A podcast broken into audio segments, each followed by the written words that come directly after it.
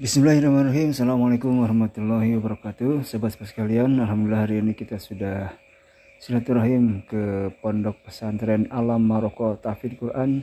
Dan ini yang sempat heboh dengan isu-isu atau informasi di media sosial bahwasanya pesantren tersebut sesat. Ada yang menyampaikan menikahkan tanpa wali. Ada juga yang pak kiainya atau pemimpin pondoknya punya sembilan istri dan juga berbagai macam informasi lainnya.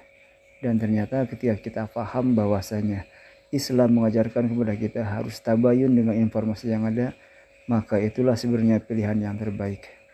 Maka jangan pernah kita mendengarkan sesuatu informasi hanya ditelan bulat-bulat saja atau didengarkan lalu dipercaya begitu saja tanpa ada klarifikasi, dah bahkan tanpa ada silaturahim maka silaturahim adalah sebuah solusi buat kita umat muslim bahwasanya apa yang didengar apa yang dilihat jika hanya dalam media sosial tanpa bertemu langsung berbicara langsung bertatap mata langsung bertatap muka langsung dan bahkan sampai ketemu di tempat tujuan atau di tempat yang diisukan menjadi sebuah informasi, maka jangan pernah cepat percaya.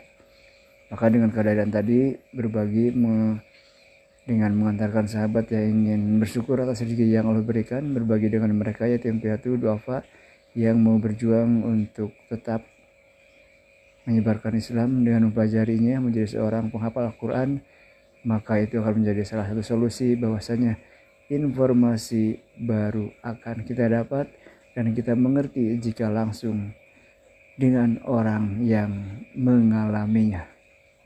Alhamdulillah juga buat teman-teman semua yang ingin sama-sama menghafal Al-Quran, belajar Islam, mempelajari bagaimana bisa memahami agama Islam dengan baik.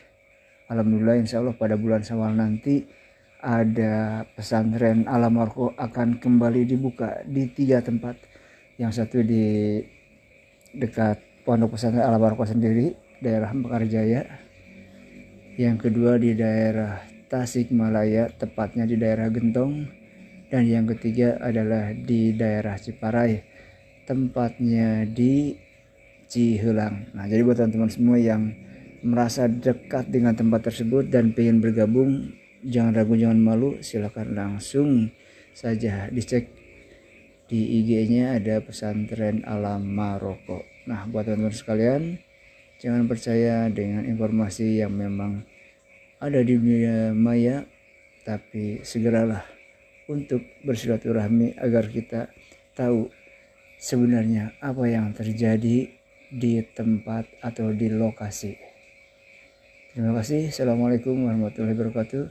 Semangat melaksanakan ibadah puasa. Semoga Allah menerima ibadahnya dan tentunya sesuai harapan menjadi orang yang bertakwa.